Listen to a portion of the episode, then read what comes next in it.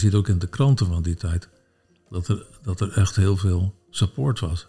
Kan om, het, om het anders te doen. ja. kan het ook zijn dat mensen gewoon eigenlijk die, die, die, die stilstand beu waren? Dat Ja, die waren het beu. van, Ja, kom op, absoluut. jongens, Ja, ja, ja. eh, ja, die waren het echt beu.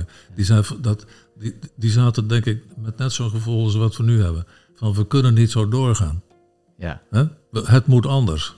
Kijk, dat vind ik wel interessant, want het is al een parallel met de tijd van nu. Ja, dat is zeker. Ja, dus je hebt nou ook, er moet nou ook een, soort revolutie eh, komen. Een soort omwenteling. Ja.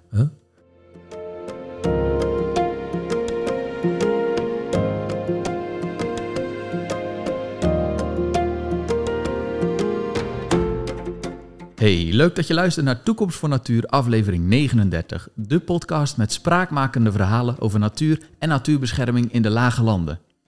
Sinds 1850 is Nederland landschappelijk ingrijpend veranderd. De woeste gronden zijn gecultiveerd en productief gemaakt, beken zijn gekanaliseerd, steden zijn enorm uitgebreid en de infrastructuur is verdicht en verbeterd. Achter al die veranderingen schuilde een manier van denken waaruit dat moderne Nederland is ontstaan. De laatste tijd worden we meer en meer geconfronteerd met de schaduwzijde van dat denken. Ik hoef maar een paar trefwoorden te noemen en ik denk dat iedereen wel weet waar het dan over gaat. Landbouw, klimaatverandering, energiegebruik, stikstof, zomaar een paar woorden. Nederland moet opnieuw op de schop om alle uitdagingen te kunnen bolwerken. En de vraag is wel, kunnen we nou leren van de geschiedenis?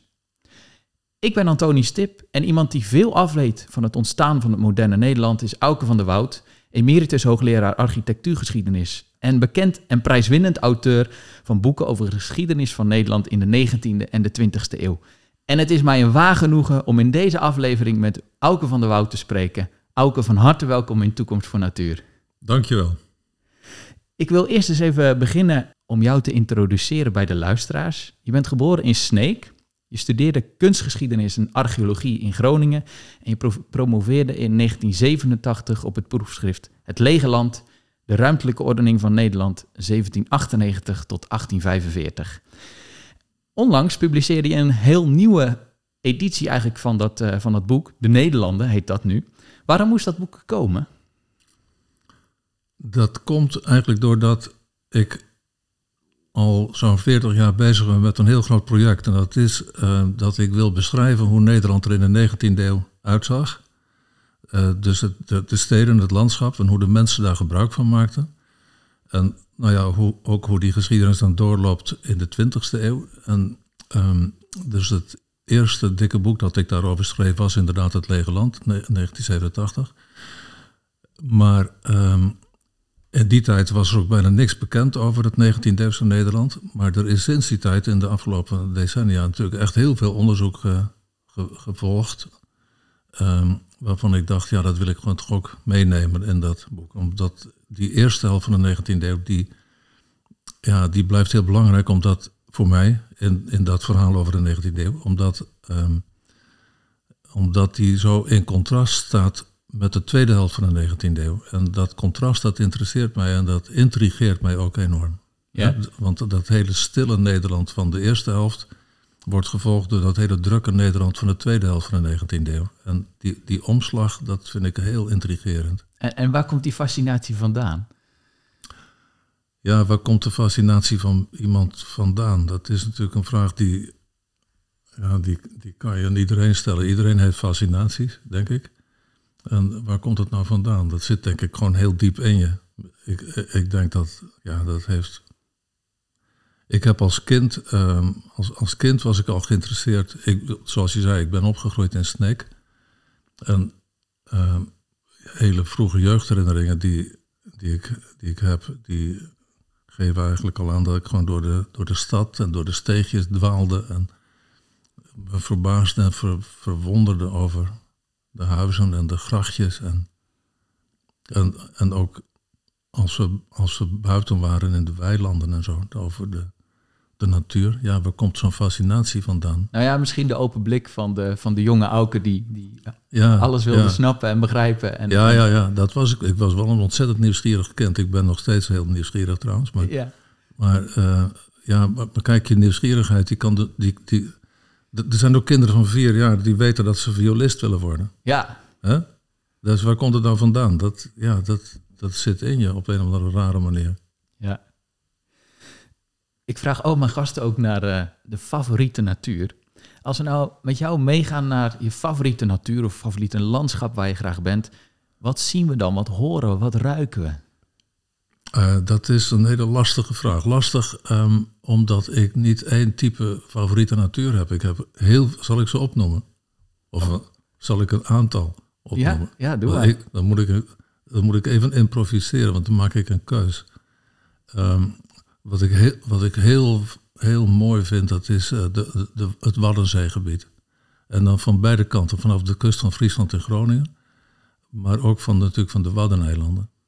Ik kom ook heel graag op de Waddeneilanden, maar die Waddenzeekust die interesseert mij toch eigenlijk wel het meest. Ik, ik hou niet zo van het strand aan de Noordzee.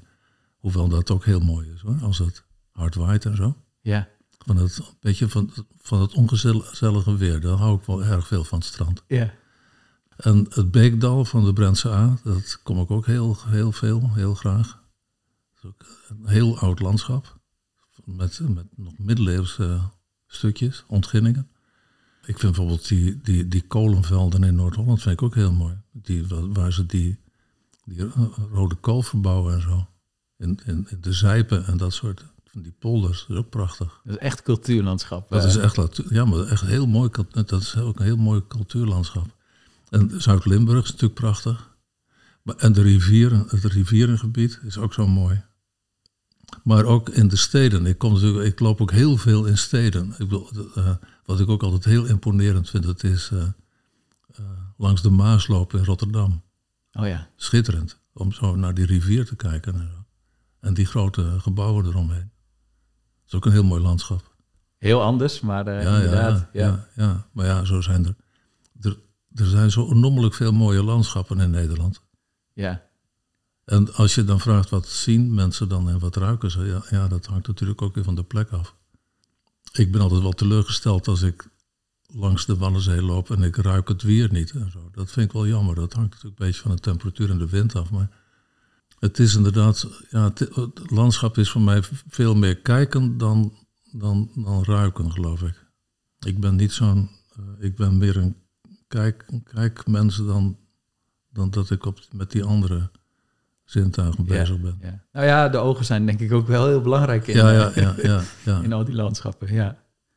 In uh, het voorwoord van De Nederlanden, dat boek wat dus de, ja, de ontwikkeling van Nederland tussen 1800 en 1850 beschrijft, daar schrijf je over nu. Ruimtelijke ordening is verleden tijd. De regering heeft al wat beters te doen. Hoe zou je nou de staat van Nederland op dit moment omschrijven? Ja, daar ben ik wel uh, bezorgd over. Uh, dus de staat van Nederland is, dat, ja, dat is natuurlijk niet, niet nieuw wat ik nou zeg, maar we leven wel in een periode van, van, van, van hele ingewikkelde crisis. Ja. Op veel terreinen. En, uh, dus ja, ik, het, ik vind, als ik nou de, de situatie die, waar we momenteel mee te maken hebben, moet omschrijven met een slogan, dan zeg ik het is alle hens aan dek. Alle hens aan dek. Ja, ja. we hebben echt wel. Uh, er is echt wel een belangrijke collectieve inspanning nodig.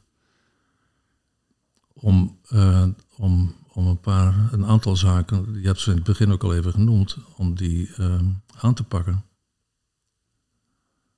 En dat vraagt veel van iedereen. Ja. Nou, we komen daar zo ook nog wel even over te spreken, ook uh, bijvoorbeeld in relatie tot politiek straks. Ja. Mm -hmm. uh, wat ik nu zou willen doen, is met jou verkennen van hoe wij hier nou eigenlijk verzeild zijn geraakt. Want Ja. dat is niet zomaar ontstaan. Dat komt ons, het, Nee. het overkomt ons niet. Het komt niet uit de lucht vallen. Dit is Nee. iets wat in de loop van, eh, van lange tijd is, eh, is on- ontwikkeld. En eh, dan wil ik toch weer even naar dat boek eh, De Nederlanden. Daarin schrijf je dat eh, tussen 1800 en 1850 Nederland eigenlijk best wel een leeg land was. Geregeerd door koning Willem I. Ehm, de koning die eigenlijk maar moeilijk de touwtjes uit handen gaf en alles zelf wilde doen. En, en ook schrijf je daarover dat, dat koning Willem I eigenlijk de ontwikkeling van Nederland meer eh, remde dan dat hij hem vooruitbracht. Als je ons nou eens meeneemt naar die tijd, hè, van, vanaf 1800 tot ongeveer 1850, hoe zagen eh, de Nederlanden, de lage landen, want het was natuurlijk ook nog België bij, hoe zagen die er toen uit? Nou ja, ehm, het, dat is ook, ja, dat boek dat je nou net noemt, dat heeft iets van ruim 400 bladzijden. Dus om dat nou samen te vatten in een paar zinnen, dat valt ook niet mee. Maar ik zal even een paar trefwoorden geven. Nederland was om te beginnen had een hele kleine, kleine bevolking, iets van uh, anderhalf miljoen uh, inwoners, hè, rond 1815. Dat groeide door naar iets van 3 miljoen rond 1850, 1860. Um, dus het was wat dat betreft, wel, qua bevolking was het, was het heel leeg. De steden waren ook echt heel klein. Op Amsterdam, Amsterdam had 200.000 inwoners, maar dat was echt een hele grote uitzondering. Plaatsen als uh, ja, Utrecht en Rotterdam, dat waren, dat waren dan de grootste steden naast Amsterdam, maar die waren ook echt, daar praat je over enkele tienduizenden inwoners. Het land was, uh, het, het, het, het, wemelde van de land, van de, uh, van de zandwegen. Er waren maar heel weinig verharde wegen. Alleen de wegen tussen de provinciehoofdsteden en naar de grote grensovergangen, die waren verhard. En de rest is eigenlijk waren zandwegen. Dus die waren voor een heel groot deel van het jaar ook onbegaanbaar, bijna. Ja, ja. regen, regen. Ja. ja, ik bedoel, dat, omdat die, die, ja, in de kleistreken, daar werden ze modderig en dan kwam je er gewoon in de winter niet doorheen. En uh, de zandwegen eigenlijk idem dito. Dus het, het, betekent dus eigenlijk dat grote delen van het jaar lag Nederland gewoon stil. Hè? Want er was bijna geen transportmogelijkheid. En dus ook heel geïsoleerd. Ja, ook heel geïsoleerd. Dus die had ook, dat vind ik ook altijd heel interessant. Want ik ben niet alleen geïnteresseerd in hoe die steden en het landschap eruit zag, maar ook hoe die mensen daarin leefden. Hè? En ja. wat jij nou zegt, geïsoleerd, dat is inderdaad, dat is heel, uh, dat, dat, dat klopt helemaal. Want omdat je eigenlijk bijna nergens kon komen op, in een groot deel van het jaar. Dan leefde hij ook in eigenlijk hele kleine gemeenschappen. De meeste mensen. En um, dat, dat vind je dan ook terug in natuurlijk eigenlijk die um, ja, honderden of misschien wel duizenden culturen, cultuurtjes. Hè? Ja. Want het, iedereen is, was, was bezig met de dingen in zijn eigen dorp en in dat eigen dorp met eigen familie. Dat was allemaal heel klein, het waren hele kleine clustertjes. En als ik nu even overstap naar de tweede helft van de 19e eeuw, dat, dan krijg je dat die, um, dat die mobiliteit die wordt veel groter, omdat die verkeersinfrastructuur veel beter wordt. In korte tijd, in een paar decennia, wordt dat enorm aangepakt. Dus dat betekent dat Nederland dan ook eigenlijk fysiek in beweging kan komen. En dan zie je ook dat uh, dat, dat nationale gevoel ook kan ontstaan. Wat er eigenlijk in de eerste helft van de 19e eeuw helemaal niet is. Nee, want het was je eigen kleine Ja. clubje. eh, Ja, ja, ja. Kijk, er werd, er werd een soort nationaal gevoel werd ingepompt, vooral door het onderwijs en vanaf de kansel in de kerken en zo. En dat werd iedere keer op gehamerd dat Nederland, want Nederland was, was het toen een eenheidsstaat geworden hè, in de Franse tijd, of Ja. in de Bataafse tijd eigenlijk, 1798. En dan, ehm, ja, dan moet er dus ook een soort gevoel ontstaan van we horen allemaal bij elkaar. En eh, dat wordt er gewoon ingepompt via het onderwijs en, en, en via de kerken. En dat is dan die slogan van God, Nederland en Oranje. Die daar worden mensen, daar krijgen, worden mensen mee vertrouwd gemaakt dat dat bij elkaar horen. Maar En men slikte dat ook. Hm? Men slikte dat. ja, ja, natuurlijk. Want kijk, dat is ook interessant. Je, de, de Nederlanders van 200 jaar geleden waren totaal andere mensen dan de huidige. Hè? Ja, Ik bedoel dat we allemaal tegenwoordig zelf een meningen hebben. Dat is ook vrij nieuw hoor. ja. Als je er sociologisch naar kijkt, dat is een vrij recente ontwikkeling. Iedereen die wat vindt en zo. Hè? En het is natuurlijk door die sociale media is het natuurlijk echt helemaal een. eh, klopt. Elke café, eh, café Ja, uitspraak ja, ja, die, eh, die komt online. Ja, ja, ja. Je hebt meteen. Je hoeft maar iets te zeggen en er komen meteen honderdduizenden reacties. Dus dat, maar dat was toen niet zo. Het was een heel, een hele stille wereld, ook in dat opzicht. Heel, heel, heel stil. Nou ja, dus als je kijkt naar het landschap. Het landschap dat in de eerste helft van de 19e eeuw. eh, dat is ook, is ook heel leeg. En dat geldt eigenlijk voor een heel groot deel van de 19e eeuw. Ook ontzettend nat, vaak. Vochtig. Ja, Hele hoge grondwaterstand. Overal. Ook op de zandgronden. En, ehm, want de zon- zandgronden die we nu ervaren als hartstikke droog, die stonden heel vaak onder water. Heel veel. ja. Ik kan me bijna niet meer voorstellen nu. eh. Ja, dat kan je niet voorstellen. Nee, want dat, nee, dat is inderdaad wel veranderd, ja. Dus uh, heel nat. En vooral, vooral natuurlijk die, die, die, die provincies langs de zeekust. Uh, die lage, die, die veenweidegebieden en zo. Ja, dat, dat, dat stond ook voor een groot deel van het jaar onder water. Dus dat betekent ook dat je in die tijd natuurlijk voor de landbouw ook eigenlijk heel weinig kon. Het was ook echt een hele arme vertoning. En ja, dan rond 1850, dan, ja, dan, dan verandert er wat. En dan komen dus die ideeën van we gaan, uh, we moeten Nederland opbouwen. En uh, dat betekent dus ook dat we, dat nou ja, we moeten gewoon een aantal dingen anders gaan doen. Dat betekent ook dat we het landschap moeten reorganiseren.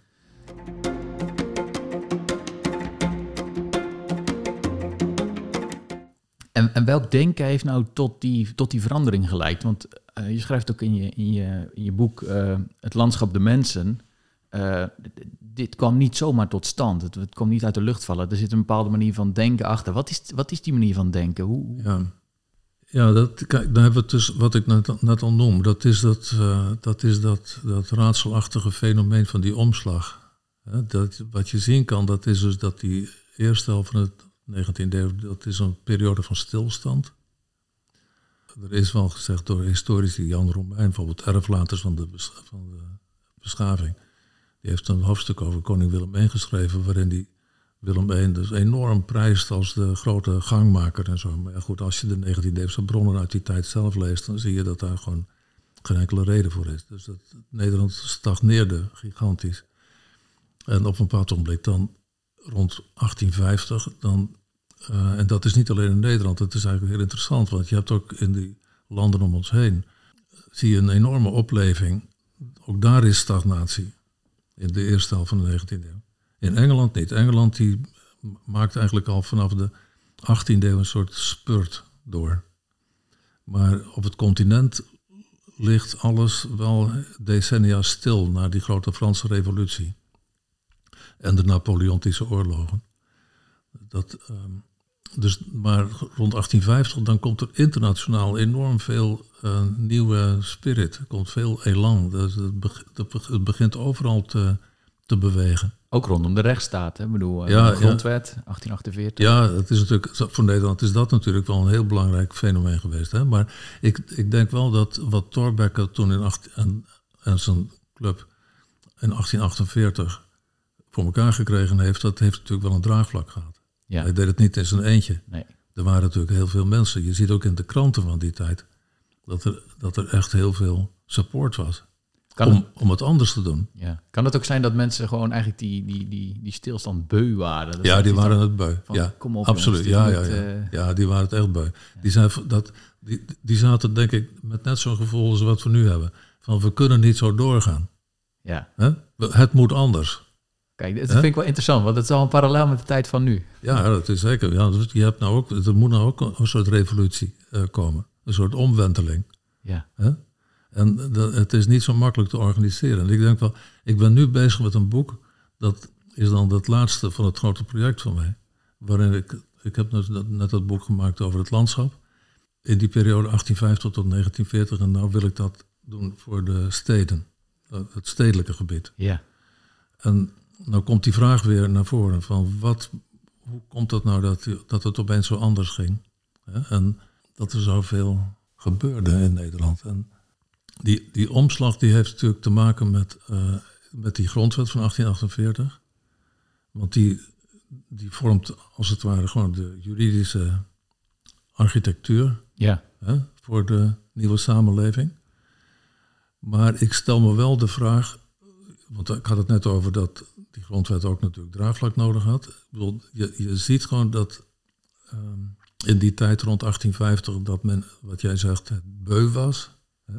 En dat er een soort omwenteling plaatsvindt, omdat gewoon die, die, die dynamiek in de samenleving dan kennelijk groot genoeg is om, om die energie voor die omwenteling te leveren. Als een soort kritische massa bereikt of zo. Ja, het moet een, ja, ja, dat is het goede woord.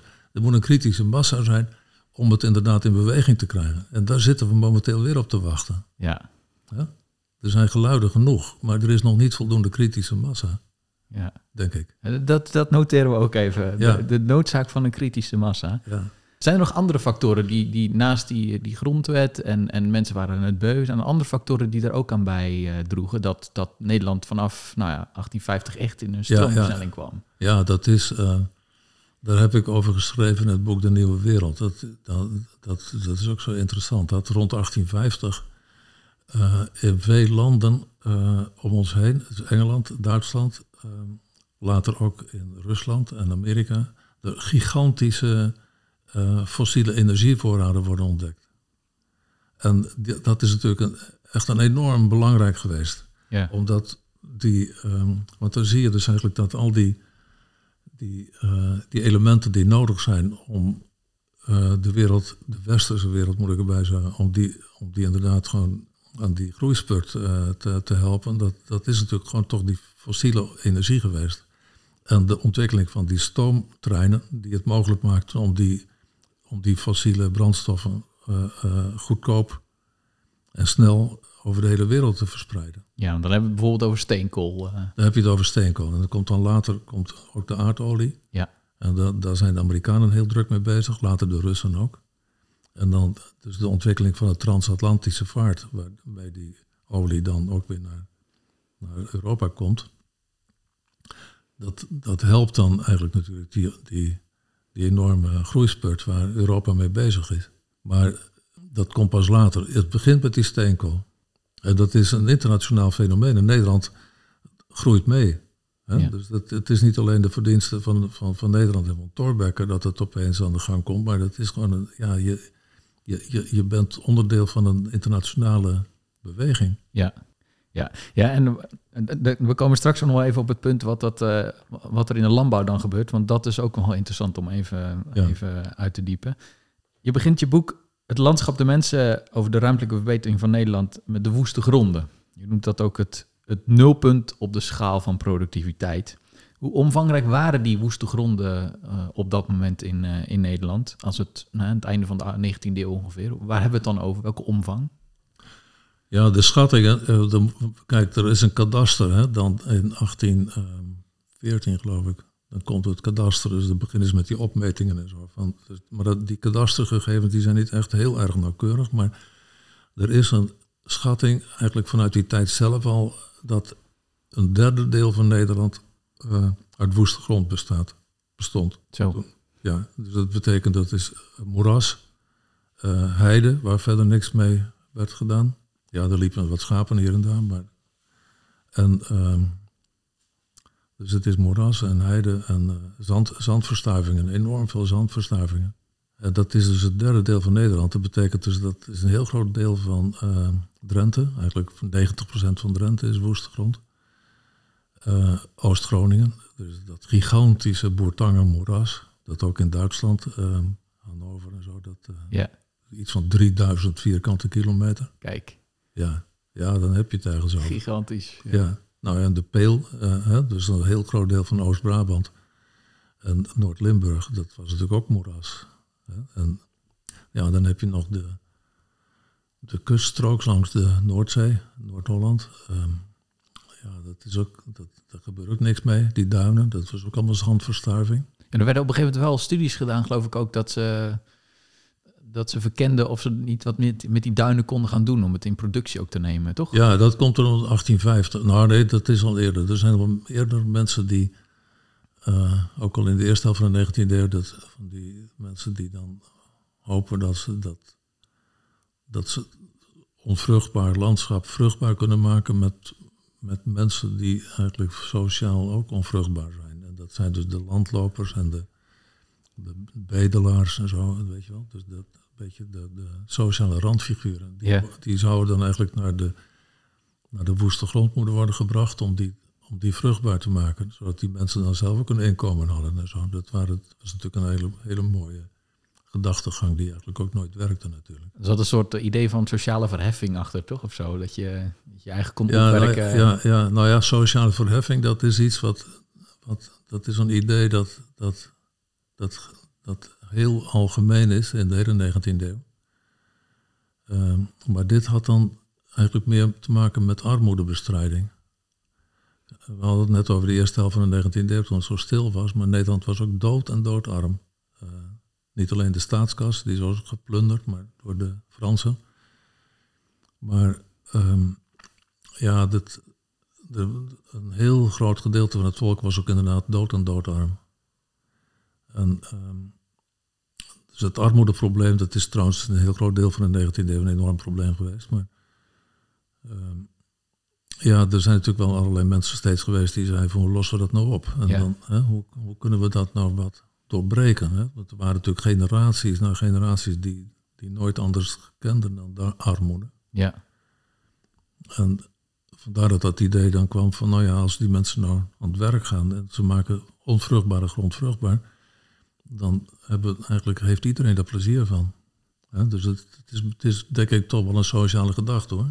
Ja, ja. Ik wil je even een uh, citaat voorleggen uit uh, het landschap De Mensen. Het staat uh, voor de mensen die het op willen zoeken, het staat op pagina 24. Ik ga het even voorlezen. Wilde natuur is vandaag de dag haar woestheid kwijt. Woeste grond is lief. Het gaat nog wat verder. Nu, 100 tot 150 jaar nadat men woeste grond in landbouwgrond ging veranderen, worden wetenschap en techniek ingezet om van landbouwgrond wilde natuur te maken. Dat is dan weliswaar wildernis met concessies, namelijk concessies aan de moderne samenleving. Maar tegelijk moet de samenleving ook concessies doen. Want het gaat om wilde natuur waarvan de mens deel mag uitmaken, waar de elementen heersend zijn. Natuurbeheer is ingewikkeld, want de elementen, tussen aanleidingstekens, mogen in de praktijk slechts heersen voor zover dat in het uitgestippelde beleid past. Einde citaat. Nou, ik vond dit wel een mooi citaat uh, om je voor te leggen hoe je naar uh, natuur en natuurbeheer in deze tijd kijkt. Wat betekent het voor je? Ja, dat is uh, zoals die, die tekst die je nou net citeert wel aangeeft, um, ben ik daar heel ambivalent in. Um, want aan de ene kant vind ik het heel goed dat er natuurbeheer is. Dat is natuurlijk helder dat als dat er niet was, dat het probleem nog veel groter zou zijn. Ja. Aan de andere kant vind ik het ook altijd moeilijk te begrijpen dat we de natuur niet haar gang laten gaan. Dat, dat, dat, we nat, dat natuurbeheer ook eigenlijk een soort extensieve landbouw is. Dat vind ik ook wel eens wat moeilijk. Maar dat is ook zo gegroeid, toch, in de loop der uh, decennia? Ja, maar ja, kijk, natuurbeheer is ook een vorm van. Ik bedoel het niet, ne niet negatief, maar ik, het is toch ook een vorm van, van industrie geworden bijna. Ja, ja, ja. Ja, ik bedoel, met, met, het hoort zo bij het moderne Nederland om, om het allemaal tot in de finesses te regelen en om daar heel veel controleurs en inspecteurs bij te hebben en dingen monitoren en weet ik het allemaal. Dus het, het is een enorm technisch eh, gebeuren. Kijk, de simpelste, maar het is heel naïef van mij, weet ik wel, om dat zo op te merken, maar de simpelste manier om, om natuur te beheren is gewoon ergens een hek omheen zetten, eh, zetten en er verder niet meer te komen. Ja, dat, zegt, dat zeggen meer mensen. Ik, eh, een heel bekende ja. iemand is Rob Bijlsma, die dat, uh, die dat ook zo zegt. Ja. Dat is een beetje het, het klapstoelbeheer, noemen ze dat ook wel, gekscherend. Ja. Ja. De keerzijde daarvan is natuurlijk wel dat we hebben in Nederland natuurlijk zoveel dingen op de schop gegooid. Dat ja. Uh, ja, we, we, hebben overal te maken met die stikstofdepositie bijvoorbeeld. Ja, klimaatverandering. Ja, dat is ook zo. Je kunt zeggen we zetten een hek omheen, maar daarmee ben je nog niet van die effecten af. En, en hebben we nog steeds heel veel Nee, maar die stikstof wordt niet geproduceerd binnen die hekken. Het wordt buiten die hekken geproduceerd. Dat klopt. Dus daar moeten we aan de slag. Ja, ja. Maar ik zei al, het is naïef van mij om het zo voor te stellen. Dat begrijp ik ook wel. Maar... Oh ja, er zit wat in. En er zijn meer mensen die, dat, uh, die dat op zich uh, aanhangen. Maar het is natuurlijk wel relatief. Want... Um, nou ja, we hebben op zo gigantisch veel manieren invloed. Ja, ja, ja, dat is ook zo. Dat is niet opgelost met een hek. Nee, nee, nee, nee dat geloof ik ook wel. Maar dat, kijk, ik, ik zeg het ook alleen maar omdat dat eigenlijk het totale tegendeel is van wat we momenteel aan het doen zijn. He? Dus ik vraag me wel eens af of er niet iets tussenin zit. Om het een beetje relaxter te doen. Maar dat weet ik niet hoor. Dat ik, weet ik gewoon niet. Een van de dingen die ik lastig vind om te begrijpen, bedoel ik, dat is uh, dat, we, dat we natuurdoelen hebben. Hè? Dus er wordt over vergaderd. Ja. Dus de, de, we zitten met een heleboel mensen om tafel, uh, die hebben allemaal belangen en iedereen die vindt wat en zo. Hangt ook weer af van je opleiding en van je interesses en weet ik het allemaal. Dus daar wordt over ge, ge, gedebatteerd en er komt dan iets uit. En er wordt een bepaald doel geformuleerd. Nou goed, dat, dat, dat zijn dan van die dingen die kan je dan opschrijven en zo. Nou, bij die, al die doelen horen technieken. En budgetten, en ik het allemaal. Planningen. Dus dat is een heel technologisch verhaal. Ja. En naar mijn gevoel, en daar ben ik gewoon misschien een beetje simpel in, maar staat dat zo ver af van dat wat je eigenlijk bij natuur voelt. Of zou willen voelen. Je mist de ervaring. Ja. Nou ja, bijvoorbeeld, eh, eh, om nou één ding te noemen. Iets wat mij echt bezighoudt. Dat als ik bijvoorbeeld door een, ehm, door zo'n, bij zo'n natuurgebied kom, dan staan van die borden. Ja. En dan, op die borden daar staan dan leuke vogelsoorten die je daar zien kan. Ja. Nou, je ziet ze vaak niet, maar goed, ze, die, die zitten daar, die vogels. Hè? Ja. En met leuke foto's erbij en al- alles. En dan denk ik, als ik dat dan zie, dan denk ik dat de mensen worden die daar eigenlijk ook met, met die borden, maar ook via de websites van de natuurorganisaties, worden mensen bepaalde, eh, op een bepaalde manier opgevoed om over natuur te denken, die vind ik een beetje zo de leuke kant op gaat, van leuke vogels en zo. Maar ondertussen is er heel veel in de natuur wat onzichtbaar blijft. En wij weten dat wel. Jij en ik weten dat wel. En een heleboel andere mensen weten het ook wel. Maar het publiek weet het niet. En die wordt daar niet mee, mee geconfronteerd. Met bijvoorbeeld met het bodemleven. Ja.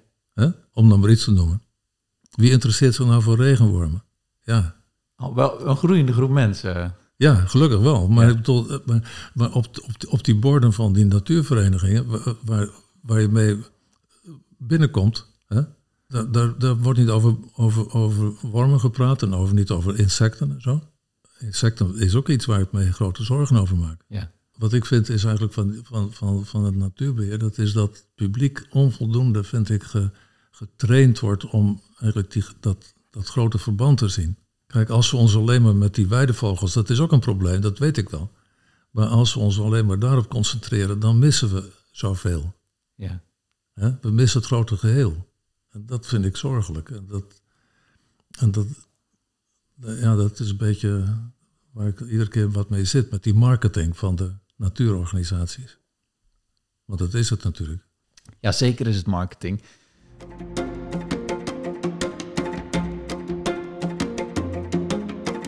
En ik spreek in deze aflevering met Auke van der Woud, emeritus hoogleraar architectuurgeschiedenis en bekend en prijswinnend auteur van boeken over de geschiedenis van Nederland.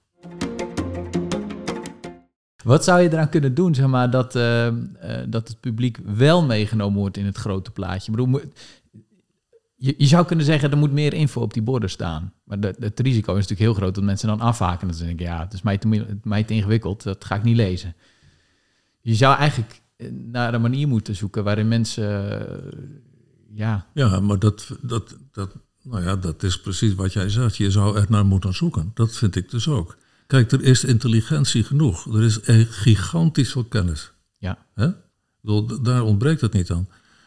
Waar het om gaat is dat je inderdaad moet zoeken met een aantal slimme mensen naar een goede, goede vorm van publiciteit waarin inderdaad die, die, die samenhang van het hele van het, van het natuurlijke systeem duidelijk wordt. En niemand kan mij uitleggen dat dat onmogelijk is om het uit te leggen. Het is misschien wel ingewikkeld, maar ja, er zijn zoveel dingen ingewikkeld. Ik bedoel, de- klopt, ja, ik vind dat daar gewoon over. Je moet, het niet te, je moet het niet te makkelijk maken voor jezelf. Ik bedoel, dat je zegt, als we dan maar wat plaatjes ophangen van, van, van een paar kruimvogels of zo. En, en- ja, dan, dan, dan zijn we er. Ja, niet ja, dus. dan, dan, dan, maak je dat, dan maak je het voor jezelf te makkelijk. Ja, Want ik bedoel, die mensen die, die die natuurgebieden beheren, die weten heus wel dat het allemaal veel ingewikkelder is. Maar kijk, een van de dingen waar we ook heel veel mee te maken hebben vandaag de dag, is dat we in een, in een, in een, in een visuele cultuur leven. Dus mensen zijn getraind, als het ware, ge- ge- gedisciplineerd om alles via beelden eigenlijk tot zich te nemen. Mensen lezen minder, maar ze kijken heel veel. En dat betekent dus eigenlijk ook dat als je met marketing bezig bent, want daar hadden we het nou weer over, dan kies je ook aansprekende beelden.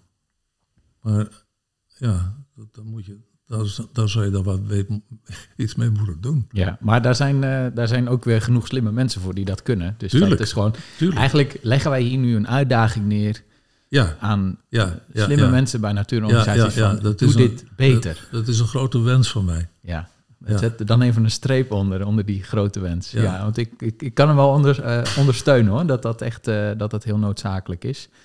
Eh, en wij kwamen hier natuurlijk vanwege de woeste gronden.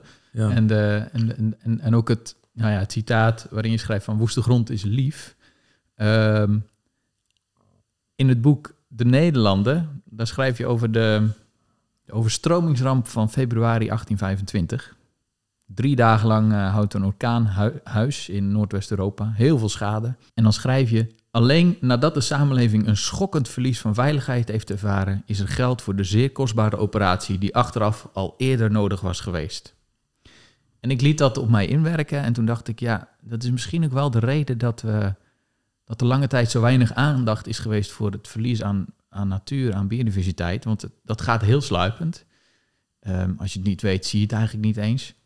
En het bedreigt onze veiligheid ogenschijnlijk ook niet echt. Hoe zie jij dat? ja, dat, eh, ja, dat geeft het wel weer. Ik denk inderdaad dat, eh, ja, er is al, al, al zo lang gewaarschuwd. Ik herinner me heel goed dat in mijn studententijd, toen, wa- toen kwam het boekje over van de Club van Rome uit. Ja, 1972 was Ja, dat. nou ja, eh, ik vond het verpletterend. Ik heb, dat, ik heb het toen meteen gekocht. En ik zat het te lezen in de bus. Ik was echt geschokt. Dat heeft mij veranderd. Het heeft mij, Ja? echt, het heeft mij echt afveranderd, ja, ja, ja. In welke zin dan? Je zei al bij de introductie, ik heb kunstgeschiedenis gestu- gestudeerd. En, en, eh, maar ik was eigenlijk van plan om bioloog te worden. Kijk, Toen ik, toen ik een schooljongen was. Ik heb, ik heb een, eh, nou ja, dan hebben we het weer over die fascinatie. Ik was, ik was als, als middelbare scholier, een jaar of 13 denk ik, 13, 14 jaar of zo. Toen wou ik bioloog worden. Dus ik, ik was altijd met planten bezig. Ik wou botanicus worden. botanicus. Ja, ja. Wa- waarom? Ja, ik had dus die dikke eh, flora van Thijssen. ja, Dat dikke eh, rode boek. ja. ja. En eh daar was ik altijd aan het determineren. Ik vond dus die systematiek vond ik ongelooflijk interessant. Als snotneus van 13, 14 jaar. ja, ja. Ja, goed. Nou, dat, dus dat, ehm, en toen, toen zei mijn vader, je moet eens met, met die en die man praten. En die die stuurde, stuurde mij naar, naar iemand toe die er verstand van had. En die zei toen tegen mij, het was het eerste wat hij... Hij gaf mij een kopje thee. En hij zei van, eh, ben je goed in wiskunde? Ik zei, nee meneer. Hij zei, dan moet je geen, wiskunde, geen biologie studeren. Ah, Ja, je heeft, je heeft je weer van dat pad afgebracht. Ja, ja, eh, ja, ja. Nou ja, goed. Het- maar die, die, eh, die interesse is altijd gebleven. En toen las ik dat boekje van de Club van Rome. En dat, dat, ja, dat, werkt, dat, dat, ja, dat, dat heeft mij toch wel heel erg... eh, ja, dat was, was wel voor mij wel een eye-opener. Ja, En sinds die tijd zijn wij, eh, mijn vrouw en ik ook, eigenlijk altijd heel bezig geweest met milieu en met voeding. ja? En we houden allebei van, de- van de natuur en van de tuin en zo. Ik heb, ik heb tien jaar lang een volkstuin gehad. Dus in zekere zin, als stadsmens, want dat ben ik ook. ja. Ik hou ook ontzettend zielsveel van steden, maar ik ben ook een natuurmens. Ik ben het eigenlijk allebei. Het een sluit het ander natuurlijk niet Nee, uit. dat hè? sluit me niet uit. Nee. Nee, nee, nee. nee dat, dat kan bij elkaar horen. Ja. Ik wil er even naar dat proces van de ontwikkeling van Nederland en dan even nu het accent leggen op de landbouw. Veel mensen die denken dat pas na de Tweede Wereldoorlog Nederland drastisch op de schok ging. En dat toen de landbouw werd hervormd, met name door Sikkel Mansholt. Ehm, en dat ook de, de reden daarvoor was dat het voorkomen van een nieuwe hongerwinter. En in dat boek Het Landschap de Mensen beschrijf je eigenlijk dat de modernisering van Nederland al nou, vanaf 1850 begon. Dat hebben we het net over gehad. Ehm, en dat ook dat dat nooit meer honger, dat dat eigenlijk nooit een, een argument is geweest voor de intensivering van de landbouw. Ook niet na de Tweede Wereldoorlog. En trouwens ook niet van Sikkel want dat heeft zijn biograaf Johan van Merrienboer eh, ook wel netjes opgeschreven in zijn biografie. Wat ik mij afvraag is, waarom is die beeldvorming van, van nooit meer honger, dat dat de reden was van de, van de intensivering van de landbouw, waarom is dat zo hardnekkig? Want het is eigenlijk een mythe. Ja, het is een mythe, inderdaad. Maar die mythe past wel heel goed bij, bij de vaak onzichtbare krachten die, die landbouw eigenlijk op de plek hebben gebracht waar die nu is. Het is wel een slogan dat eh, die, die eigenlijk het, het idee overbrengt dat, dat het ook nodig is dat die landbouw zo intensief is. Ja, de, incent, de, de, de reden die nu genoemd wordt is van ja, Nederland uh, zijn de, de tweede landbouwexporteur van de wereld, dus Nederland voedt de wereld. Wat natuurlijk Ja. onzin is, want dat is helemaal niet zo. Er zijn eh, ontzettend veel eh, kleine boeren op de wereld die gewoon in hun eigen bestaan en dat van hun omgeving eh, voorzien. En eh, daar echt eh, de grote agro-industrie niet voor nodig heeft. Maar ook dan is, ook, daar, ook nu is de, is de reden nog van, nou ja, wij voeden de wereld. Ja. Dus dat past dan daar ook wel in. Maar ja, kijk, het zijn allemaal, het zijn allemaal slogans. Het hel- het, ze, ze helpen niet om eigenlijk het probleem aan te pakken waar we voor staan. Nee. Hè? Ze, ze, ze, gaan- ze, het zijn allemaal slogans die eigenlijk de hele, de hele verkeerde kant op wijzen.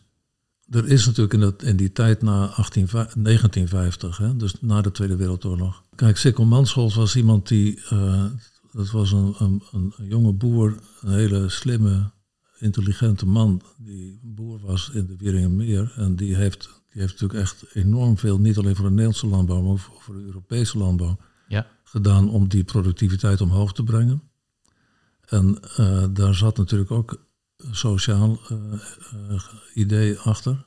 Namelijk dat er heel veel boeren waren, boerengezinnen, die echt ook maar bijna niet rond konden komen. Ja. En Mansholz en ook anderen die zagen wel dat natuurlijk die stedelijke bevolking, die ging het gewoon veel beter krijgen. Veel beter ontwikkeld en veel betere mogelijkheden, sociaal en economisch. En, en terwijl boeren achterbleven. En dus om dat, om dat grote deel van de bevolking, om dat ook vooruit te helpen, moest ook hun, hun arbeidsomstandigheden veranderen. Ja. En Nederland moest op een of andere manier ook geld zien te verdienen in het buitenland. Dus die, die, die export van landbouw is natuurlijk altijd belangrijk geweest. Al in 18, 1850 al was dat een argument. Ja, dat was eigenlijk, eh, dat beschrijf je ook in eh, het Ja. landschap der mensen, dat dat eigenlijk het argument Ja, was ja, om toen te gaan intensiveren. Ja, ja dat was. Ik, lees, ik las gisteren een, een, eh, in een boek van Staring, van die geoloog, Ja. 1850, 1858. Bepleit hij eh, dat Neder- Nederland heeft dan gigantische turfvoorraden hè, in die woeste gronden en zo, hè, die moerassen en zo. Ja. Staring zegt, ja, we moeten dat eigenlijk zo snel mogelijk moeten we die turf opstoken, want we moeten overstappen op steenkool, want het is een veel betere, energetisch een veel betere eh, brandstof. Ja. Dus die turf, dat is allemaal wel prima, maar ehm, die, we hebben st- steenkool nodig. En wat we dan doen met die woeste grond waar die turf uitgehaald is, daar moeten we gewoon landbouwgrond van maken. En die landbouw die daar dan plaatsvindt, die moet productief worden. En met die, met die landbouwproducten die we daar dan eh, gaan eh, krijgen, kunnen we in het buitenland verkopen, zodat we die steenkool daarmee kunnen betalen. Ja. Ja? Dus Sta- Staring had dus een soort eh, economisch model waarbij eigenlijk die, die, de import van, van energie betaald kon worden met de export van landbouw. Ja. En dat, dat- er is, terwijl, dat is ook interessant, terwijl er toen inderdaad een keer in Nederland hongersnood geweest was. Hè? In, in 1847, toen wa- kreeg, kwam die Vitoftra in Nederland. Ja. Ja. Dus toen is Aard- er, aardappelziekte. Ja. ja, aardappelziekte. Toen, toen, toen waren het een paar keer gebeurd dat die eh aardappelziekte dus zorgde voor gigantische hongerepidemieën in Nederland. Maar ik, ik vond in bronnen zo rond 1850 dat, dat, dat er echt helemaal niet nou, die honger, over die honger wordt gesproken. Als het ging over intensi- intensivering van de landbouw. Het was ging altijd over export. Export. Geld, En geld. dat, en dat was bij Mansholt ook zo. Ja. Er is altijd over export gepraat. Ja. Als het ging over de intensivering. Ja. En dat is nog steeds zo. Ja, precies. Ja, ja en, en interessant in het Europese spel zie je nu weer, bijvoorbeeld rond de discussie over de Green Deal en zo, dat, dan de- dat, dat honger dan weer als argument wordt aangehaald. Ja, ja, ja, als, ja. we, als we deze plannen doorvoeren, dan Ja. krijgen we weer honger. En Ja, dat, ja, dat moeten we ja, niet ja. hebben. Dus, Ja, maar het gaat ja. uiteindelijk gewoon om de Ja, pecunia. natu- natuurlijk. Kijk, er zijn, er zijn modellen, die zijn al uitgerekend, al helemaal eh, eh, eh, bekeken. Dat als het gaat over de voeding, ook van Nederland, dan kan je, je kan het inderdaad, maar dan moet je je, je, je, moet je voedingspatroon veranderen. Ja. Maar dan, dan, dan, dan kan je natuurlijk best wel zelfvoorzienend worden. Alleen je hebt er een heel ander soort eetpatroon voor nodig. Ja. We moeten gewoon van, dat, van die enorme vleesconsumptie af. Ja. Veel meer plantaardig. Ja. Veel meer plantaardig. En eiwitten uit peulvruchten en dat soort dingen. Ja. Maar goed, dat is natuurlijk die revolutie waar we op zitten te wachten. Ja, precies. Ja, nou, daar, komen we, daar komen we zo ook nog wel even Ja. op, uh, over te spreken. Ik wil, uh, ik wil nu even een, een persoonlijke observatie met je delen. Want ik, ik spreek best wel wat uh, mensen die van natuur houden, natuurliefhebbers. En uh, ik merk eigenlijk dat er, um, zeker bij de wat oudere mensen, is een soort uh, nostalgie. Misschien moet ik het niet zo noemen, maar ik noem het toch maar even zo. Nostalgie naar de tijd van 1950, 1960. Dat Nederland uh, ja, was toen in een bepaald stadium waar veel planten en dieren nog hun plek hadden in, in het landschap. En inmiddels niet meer. En um, ja, ik dacht eigenlijk, de verkiezing van de grutto tot nationale vogel, die geeft in ieder geval in mijn beeld ook wel uiting aan, dat, uh, aan, aan die nostalgie. Ook een verlangen naar een landschap van uh, rond 1950, 1960, waarin de grutto op dat moment heel erg van profiteerde en, en ook goed kon gedijen. Maar um, ja, dat landschap, dat, dat hebben we gewoon bijna niet meer. Ja, ik heb een beetje het idee dat die, dat die nostalgie in de weg staat, in ieder geval bij natuurliefhebbers in de weg staat om uh, ja, de discussie over de toekomst van onze leefomgeving uh, te voeren. En ik ben wel nieuwsgierig hoe jij daarnaar kijkt. Het eerste waar ik nou even aan denk, dat is, wat, ik, ik luister naar jou en het eerste wat bij mij voor mijn, uh, in mijn gedachten komt, dat is een beeld van, van het Eelderdiepje. Dat, is in de buurt van, van Eelde heb je de, een gebied dat heet de Onlanden. Ja. En dat was vroeger ook zo'n gebied, het beekdal van de Drents, van, een, van zo'n zo'n beek. Dat, die, dat beekdal stond natuurlijk heel vaak onder water en ja. onproductieve landbouwgrond, arme landbouwgrond. En nou ja, dat is dus nou een natuurgebied geworden. En als je nou naar dat, naar dat beekje kijkt en zo, dan groeien van die mooie van die uh, dotterbloemen en zo, weet je wel. Nou ja, goed, dat is echt een hele mooie vegetatie. Maar het een, als ik daar langs loop, ik wandel daar ook best wel vaak, dan uh, denk ik altijd aan Jacques Petijsen. Ja. En dat is natuurlijk, dan denk en daar heb ik ook, kijk, ik ben, ik ben heel ambivalent. Ik heb het ook al eerder gezegd. Hier ook, op dit punt ook weer. Dan denk ik, het is Jacques Petijsen natuurlijk. En dan, dan bekruipt mij hetzelfde gevoel wat jij dan zegt. Ik bedoel, die nostalgie. Aan de ene kant is het ook eigenlijk de natuur van mijn jeugd. Ja. Die tijd dat ik eigenlijk botanicus wilde worden. Ja, ja, ja. En aan de andere kant denk ik, het kan niet de oplossing zijn dat we op deze manier Nederland uh, gaan maken. Want dat zullen we moeten doen. Ja. Het, het Nederland wordt, komt niet uit zichzelf uh, op het ideale punt. Daar zullen we heel hard voor moeten werken. En dat kan niet, je kan niet meer terug naar 1950. Dat kan niet. Toch zie je dat in veel, nee, zeker in natuurbeleid, is 1950 vaak het referentiepunt. Bijvoorbeeld voor Natuurlijk. rode lijsten die gemaakt ja, zeker. worden. Ja, ja. Dus ja. daarmee conserveren we wel een tijdsbeeld. Ja. Uh, wat met, Ja. met goede bedoelingen hoor. Ik bedoel, Ja, daar wil ik niks aan, uh, aan, aan, aan afdoen. Maar uh, ja. we zijn voortdurend bezig met het conserveren van een tijdsbeeld. Ja.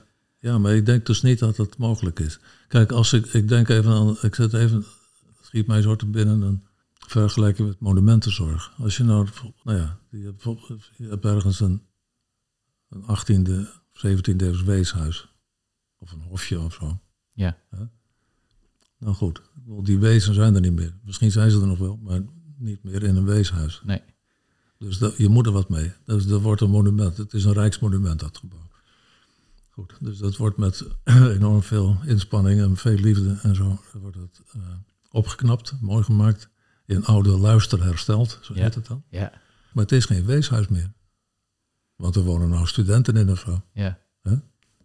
Of het is, een, of het is, of het is horeca geworden, dat is ook heel vaak zo. Ja. Bijna altijd horeca. Als de horeca ophoudt, dan valt die monumentenzorg in elkaar. In Nederland, denk ik wel eens. Kijk, ja. Maar goed, dat, het is met natuur eigenlijk ook zoiets. Er zit een parallel in. Ik bedoel dat je... Nederland is niet meer het Nederland van 1950. En we, we- dat, we moeten dat ook niet willen. We moeten Nederland...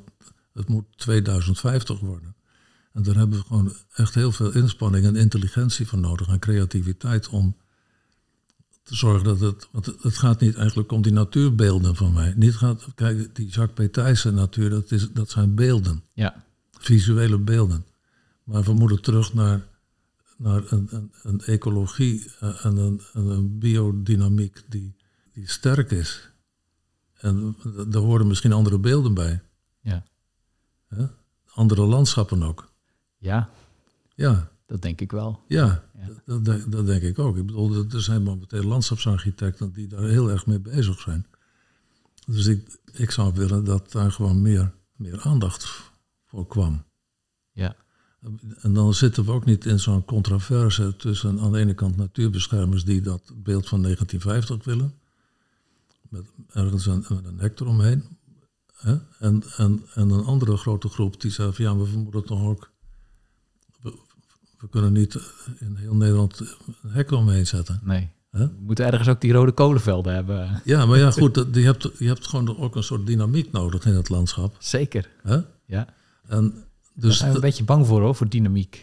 Dat, eh, dat gaat, dat ontstijgt onze controledwang, denk ik.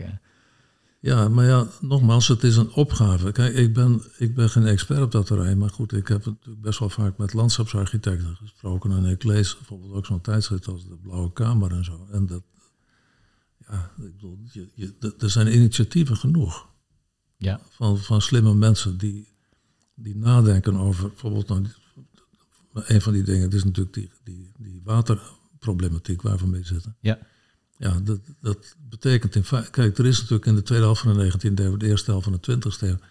enorm veel in het landschap gesleuteld. Waardoor dan die waterproblematiek waar we nou mee zitten is ontstaan. Maar goed, je kan het ook weer terugbrengen. ja, Je, bedoel, niet naar de situatie van toen... maar naar een, een situatie waarin het landschap momenteel wel weer veel water vaststelt. Maar misschien levert het andere landschappen op. ja, denk het wel. Ja, dat is ook prima. Ja. Maar dan zit die nostalgie of dat verlangen naar 1950, ze- dat zit dan wel in de weg. Dat zit je in de weg, ja zeker. Dat maakt, eh, dat maakt eigenlijk... de- nou ja, dat is bijvoorbeeld dat je dat weeshuis weer vol wil stoppen met wezen of zo. Ja, Ja. Dat, dat, dat moet je niet doen. Nee.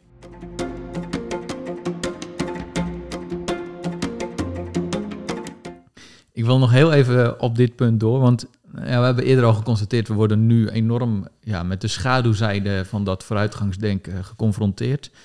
Eh, bekend voorbeeld is natuurlijk de stikstofcrisis. We weten eigenlijk van heel veel problemen die in onze leefomgeving spelen, we weten we zeker op hoofdlijnen en vaak ook op eh, detailniveau wat er moet gebeuren om ze aan te pakken. Maar toch gebeurt er politiek gezien nog niet zoveel. Stikstof bijvoorbeeld, hè, echt al vier jaar eh, eigenlijk eh, vooral papier geschoven. Hoe komt dat? Die politieke onmacht eigenlijk. Ik denk wat hier een heel belangrijke rol speelt. Ik weet niet of het de oorzaak is, maar ik denk dat het wel een heel belangrijke oorzaak is. Dat de, de diensten die zich met ruimtelijke ordening bezighielden, eh, van de overheden, het- van de Rijksoverheid en van de provinciale overheden, dat is natuurlijk die, dat is afgebouwd. Ja, Ik bedoel, die mensen die bezig waren met ruimtelijke ordening, de stedenbouwkundigen en de landschapsarchitecten en al die andere deskundigen, die, die, die zijn er nog wel, maar die zijn allemaal gewoon in het bedrijfsleven terechtgekomen. Want ze zijn in de jaren 80 en de jaren 90 allemaal overboord gezet. ja, Dus het, want het, de, het Rijk, de Rijksoverheid vond het niet meer belangrijk om die dingen zelf te doen. Dat betekent dat er natuurlijk in Nederland nog echt heel veel mensen zijn rondlopen die weten hoe het moet. Alleen er is geen opdrachtgever meer. Er is geen opdrachtgever, omdat het, de, de Rijksoverheid en ook de provincies, die hebben, die hebben gewoon dezelfde expertise niet meer. En eh, de, je, je denkt eigenlijk heel vaak dat die expertise een kwestie is van de opdrachtnemer, maar dat is niet zo. De opdrachtgever heeft ook expertise nodig. ja. Hè? En die, Ja. exper- die expertise is er niet meer. Nee, anders weet je niet wat je moet vragen. Nee, je kan niet goede opdrachten meer geven. Dus iedere keer worden er gewoon van die, van die, van die deeldingen en zo. En dan komen weer rapporten en zo. En dan, maar er is niemand die het integreert. Omdat, en terwijl je vroeger, je had bijvoorbeeld de Rijksplanologische Dienst in Den Haag. Nou, daar zaten dus echt kopstukken op het terrein van de eh, ruimtelijke ordening. En dat waren niet eh, mensen die het allemaal zeiden van hoe het moest. Nee, dat waren mensen die het land ingingen en die overal contacten hadden. En eh, die, dat, dat waren experts. Mensen zoals E.O. Weijers bijvoorbeeld. Oh ja.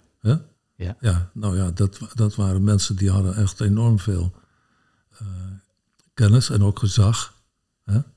En eh, dat hele eh, goed opgebouwde systeem in de jaren 20 van de 20ste eeuw is dat begonnen. Ehm, dus het heeft lang geduurd voordat het inderdaad gewoon goed ontwikkeld was. Maar het was heel goed ontwikkeld. En op het moment dat het heel goed ontwikkeld was, heeft de Rijksoverheid het, het ja, afgebroken. Ja. En dat betekent dus dat momenteel, eh, ja, wat jouw vraag is, hoe komt het nou dat er politiek niks gebeurt?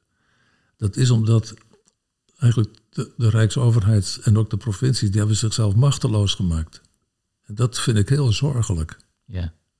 Dat is heel zorgelijk, want ik bedoel, die politiek, ja, dat betekent dus mensen die dan gedeputeerden en Kamerleden, die kunnen dan roepen wat ze willen, maar er is, er is gewoon geen, ja, er, je, je ziet het nou bijvoorbeeld met het landbouwdossier. Hè? Daar zit een minister, die, die arme man, die, rijdt, die zit dan met een enorm eh, eh, gezelschap eh, te, te bedenken hoe het nou moet met het landschap, met het landbouw. Maar hij opereert vanuit een soort machteloze situatie. Ja. Want, want we zijn eraan gewend geraakt dat de samenleving het zelf moet oplossen, maar de samenleving kan het niet zelf oplossen. Dat kan niet, omdat de belangentegenstellingen te groot zijn. Dus je hebt eigenlijk toch een soort leiderschap nodig. En dat is er niet. Ja. Ik wil even de stap maken naar de toekomst.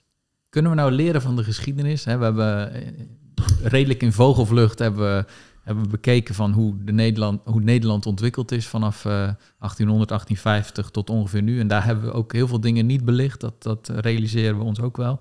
Maar kunnen we nou leren van de geschiedenis? Als we terugkijken voor de grote opgave waar we nu voor staan. Leiderschap noemde je net al. Maar niet in de stijl van koning Willem I, want dan gaat het niet goed. Als eh, Mark Rutte Mhm. de touwtjes eh, zo aan, eh, aantrekt dat, dat er niks meer kan, zeg maar. Mhm. Nou ja, dit is ook wel ja, dit is ook lastig. Kijk, je, eh, want we hadden het net over nostalgie. Hè? Dus eh, je kan in die dat zijn mensen die leren van de geschiedenis. Hè? Die zijn nostalgisch. Die zeggen, we moeten terug naar de geschiedenis. Ik zeg net, en jij ook, van, nou, dat, we twijfelen eraan of dat wel een goede weg is. Dus ik bedoel, in die zin, ja, wat is dan leren van de geschiedenis? Nou ja, bijvoorbeeld, Ja. we hebben aan het begin van de aflevering genoteerd... het is eh, voor een revolutie is het noodzakelijk Ja. om een kritische massa te hebben. dat hebben we gezien. dat is er één. Die zou ik dan nu even ook weer terug willen halen. ja, ja, ja, ja, dat is ook zo. Ja, nou ja, oké, prima. Goed, eh, de geschiedenis. Ik, ik, ik zeg vaak tegen mezelf dat de geschiedenis, of het verleden, is even ingewikkeld als het heden. Ik weet niet hoe het jou gaat, maar ik kan niet alles wat in de krant staat lezen. Ik bedoel, dat is gewoon te veel.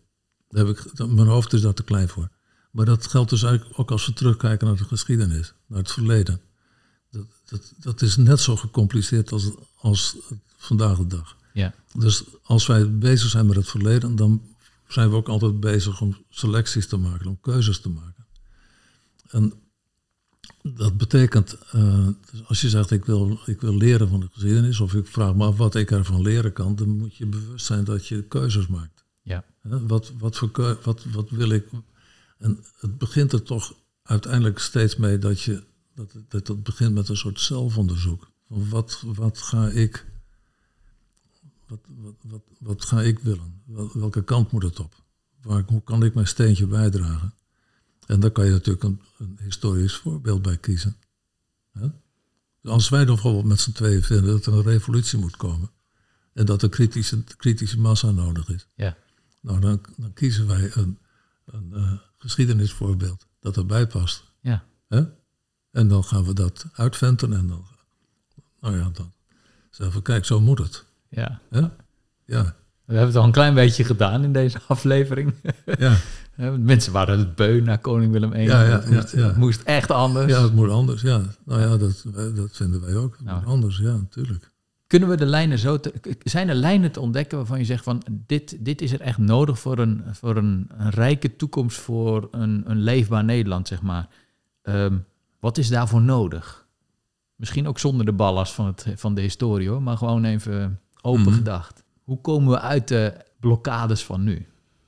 Nou, ik denk, ehm, ja, dit is ook een lastige vraag om daar even snel een antwoord op te geven. Maar ik denk, ik denk dat een van de dingen waar we, waar we wat, wat echt helpt, dat is denk ik een hele andere manier van leven proberen te, te ontwikkelen. En waar even minder vragen van moeder aarde. Minder eisen bedoel ik. We vragen niet, we eisen. We, we pakken het gewoon. Ja. Dus dat, dat, dat is natuurlijk gewoon een soort, nou ja, een soort vandalisme bijna. En dat, dat moet gewoon ophouden natuurlijk. Maar dat doen mensen die gewend zijn om dat te doen, niet vrijwillig, denk ik. Nee, dat denk ik ook. Dat denk ik ook. Er zal dus inderdaad, er zullen wel maatregelen nodig zijn. Maar je ziet dat, dat, dat is natuurlijk ook ja, wat het moeilijk maakt, nog steeds. Ik heb vroeger, toen ik, eh, ik heb vroeger lang geleden ook een bijvak gedaan, planologie, in mijn studietijd. En de hoogleraar die uh, dat vak verzorgde, die zei tegen ons, uh, voor, een, voor een echte grote verandering moet er een mini-ramp gebeuren. Een mini-ramp? Ja, oh ja. een mini-ramp. Dat, dat, is eigenlijk de, het eerste wat nodig is. Een echte ramp helpt natuurlijk nog meer, maar dat wil je niet. Dus er is eigenlijk een mini-ramp nodig. Want het begint eigenlijk met de bewustwording. Dat is gewoon de eerste stap. Van wat zijn we hier aan het doen? Waar zijn we in vredesnaam mee, aan de bezig, mee bezig? Ja. Daar begint het mee. Ja. En daarna komt de actie. Maar het begint eigenlijk met het bewust worden. En, en ja, dat is, dat is gewoon toch de eerste stap die, die gezet moet worden. Maar je, je merkt gewoon dat er toch de, het, het, het verzet tegen de verandering is echt enorm. We hadden natuurlijk, ik denk veel mensen hadden de hoop dat die corona zo'n soort mini-ramp was. Ja. Toen, toen we opeens merkten dat het veel rustiger werd en schoner en dat die vliegtuigen wegbleven. En, Ja. dat, hè? en ja, en dat, en maar ja, je ziet dat dat, het is allemaal weer vergeven, vergeten. Hè? Ja. Dus die, die mini-ramp is niet eh, rampzalig genoeg geweest. Maar, Nee, ik heb zelf ook gedacht, eh, bijvoorbeeld, het ging net ook even over water. eh, dat de, de opeenstapeling van droogte, 2018, 2019, 2020, nou 21 was dan nat en ook een overstroming in Limburg, maar vorig jaar weer extreem droog, dat die ook een verandering bijvoorbeeld in het waterbeheer in Nederland teweeg zou brengen. Nou, nou weet ik dat er heus wel wat gebeurt bij waterschappen, maar Ja. het gaat, goed, ik ben beetje ongeduldig dan, maar in mijn perceptie gaat het tergend langzaam. Ik heb, eh, naïef als ik was, gedacht... eh, die droogte die elk jaar maar weer terugkwam... dat is zo'n signaal van... jongens, klimaatverandering is een serieus probleem... dat moeten we echt oplossen. Er is iets gaande, zou ik maar zeggen. Er gebeurt wel wat. Maar ook nog niet in de sfeer van de omslag... eh, die echt nodig is om, om, om hier ja, veel bestendiger als land eh, doorheen te komen... of als continent. Want het is Mhm. natuurlijk niet iets wat alleen Nederland speelt... maar op veel grotere schaal.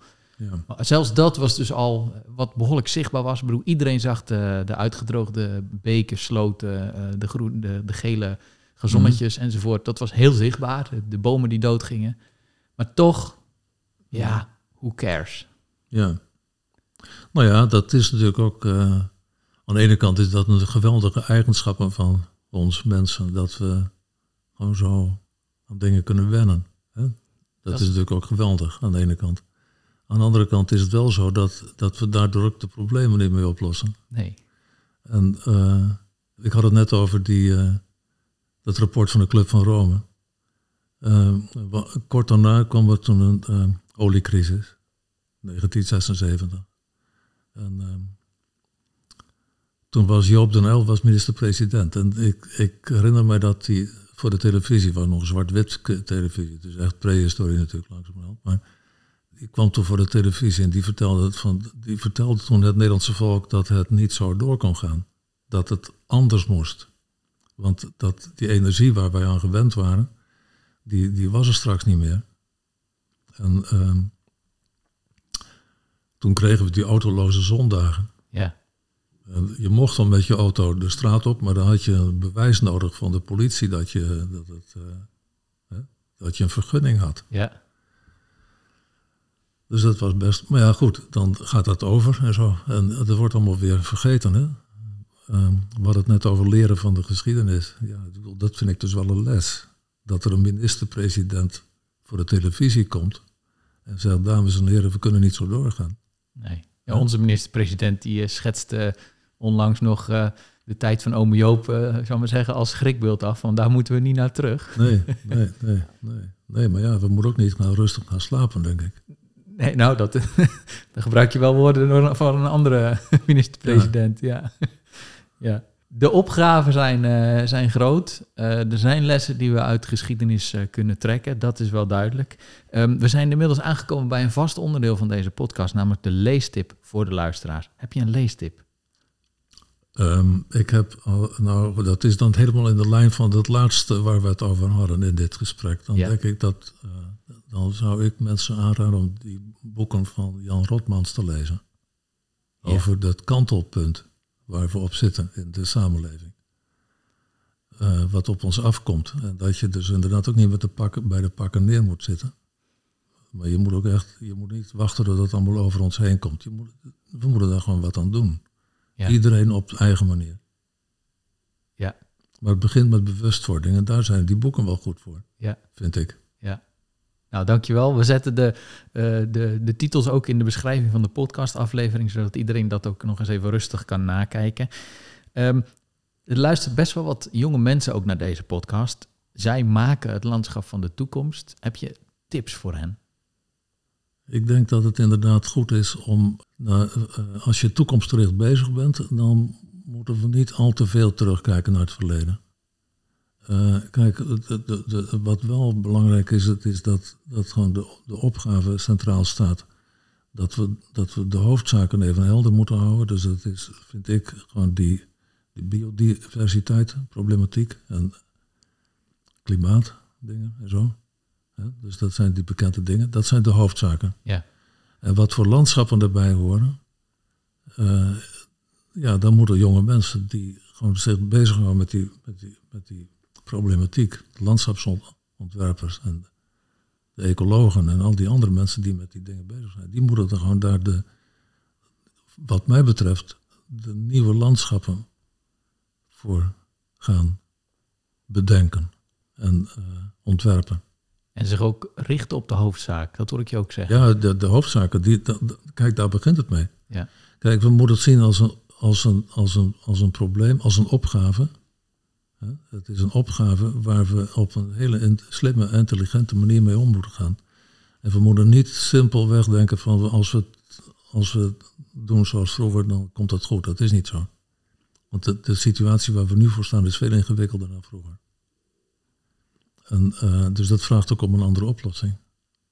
Ja. Dus ik zou, ik zou ontzettend fijn vinden als er, als er um, ja, als jonge mensen zich daarmee bezig gaan houden en daar ook gewoon ook de, ja, de publiciteit mee zoeken.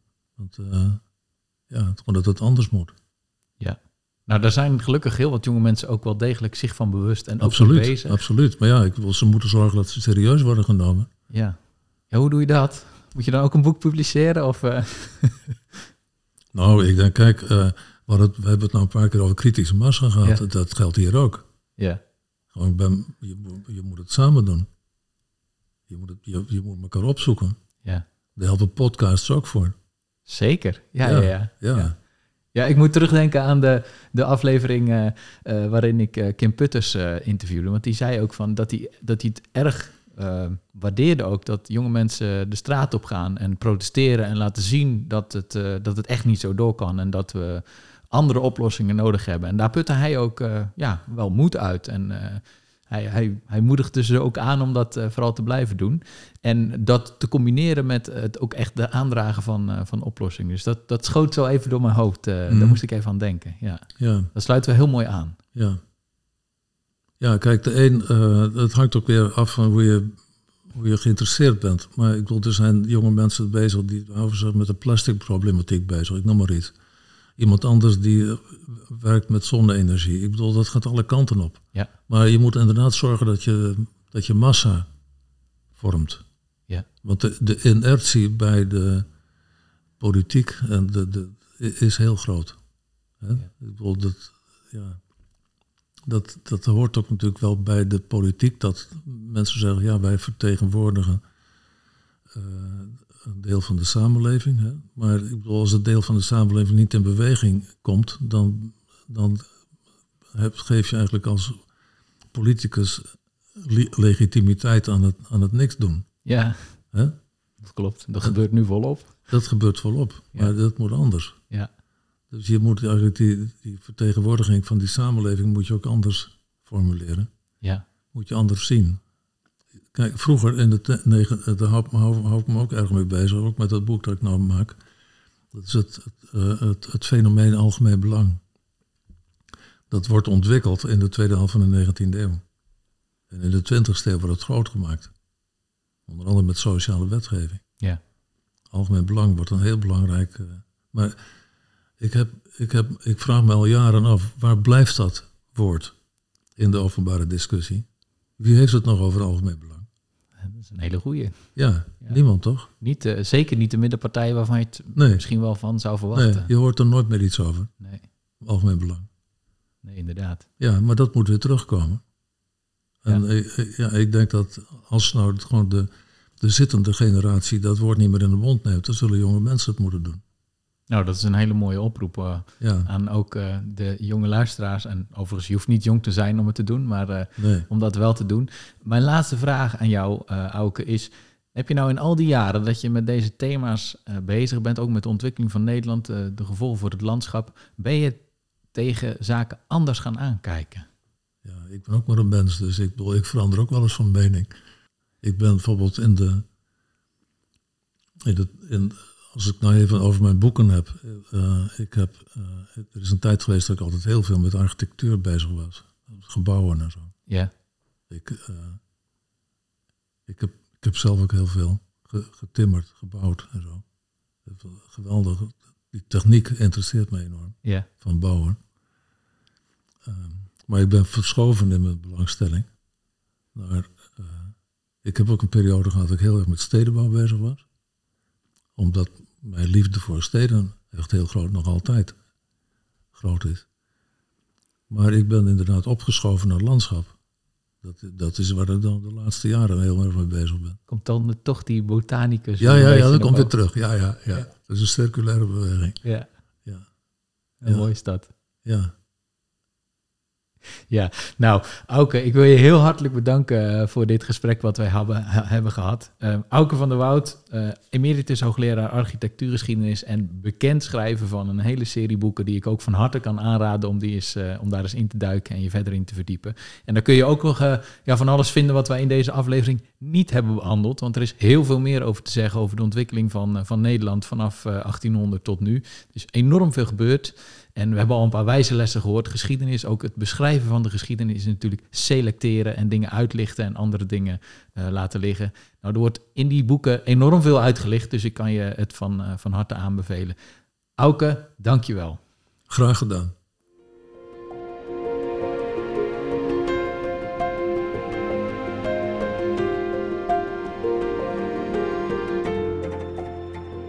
Zo, dit was aflevering 39 van Toekomst voor Natuur. Wil je nou niks missen van deze podcast? Abonneer dan in je podcast-app, dan krijg je een melding als er een nieuwe aflevering verschijnt. De volgende aflevering die gaat over de vraag welke rol vrijwilligers spelen in de natuur en het natuurbeheer van de toekomst. En ik ga daarover praten met Jaap Graveland. En Jaap is informatiespecialist natuur bij Rijkswaterstaat. Maar hij is vooral ook boegbeeld van de Natuur- en Vogelwacht Krimpenerwaard, een regionale natuurwerkgroep in Zuid-Holland. En die drijft op bevlogen natuurvrijwilligers. En de vraag is, blijft dat ook zo? Je hoort het in de volgende aflevering. Tot dan!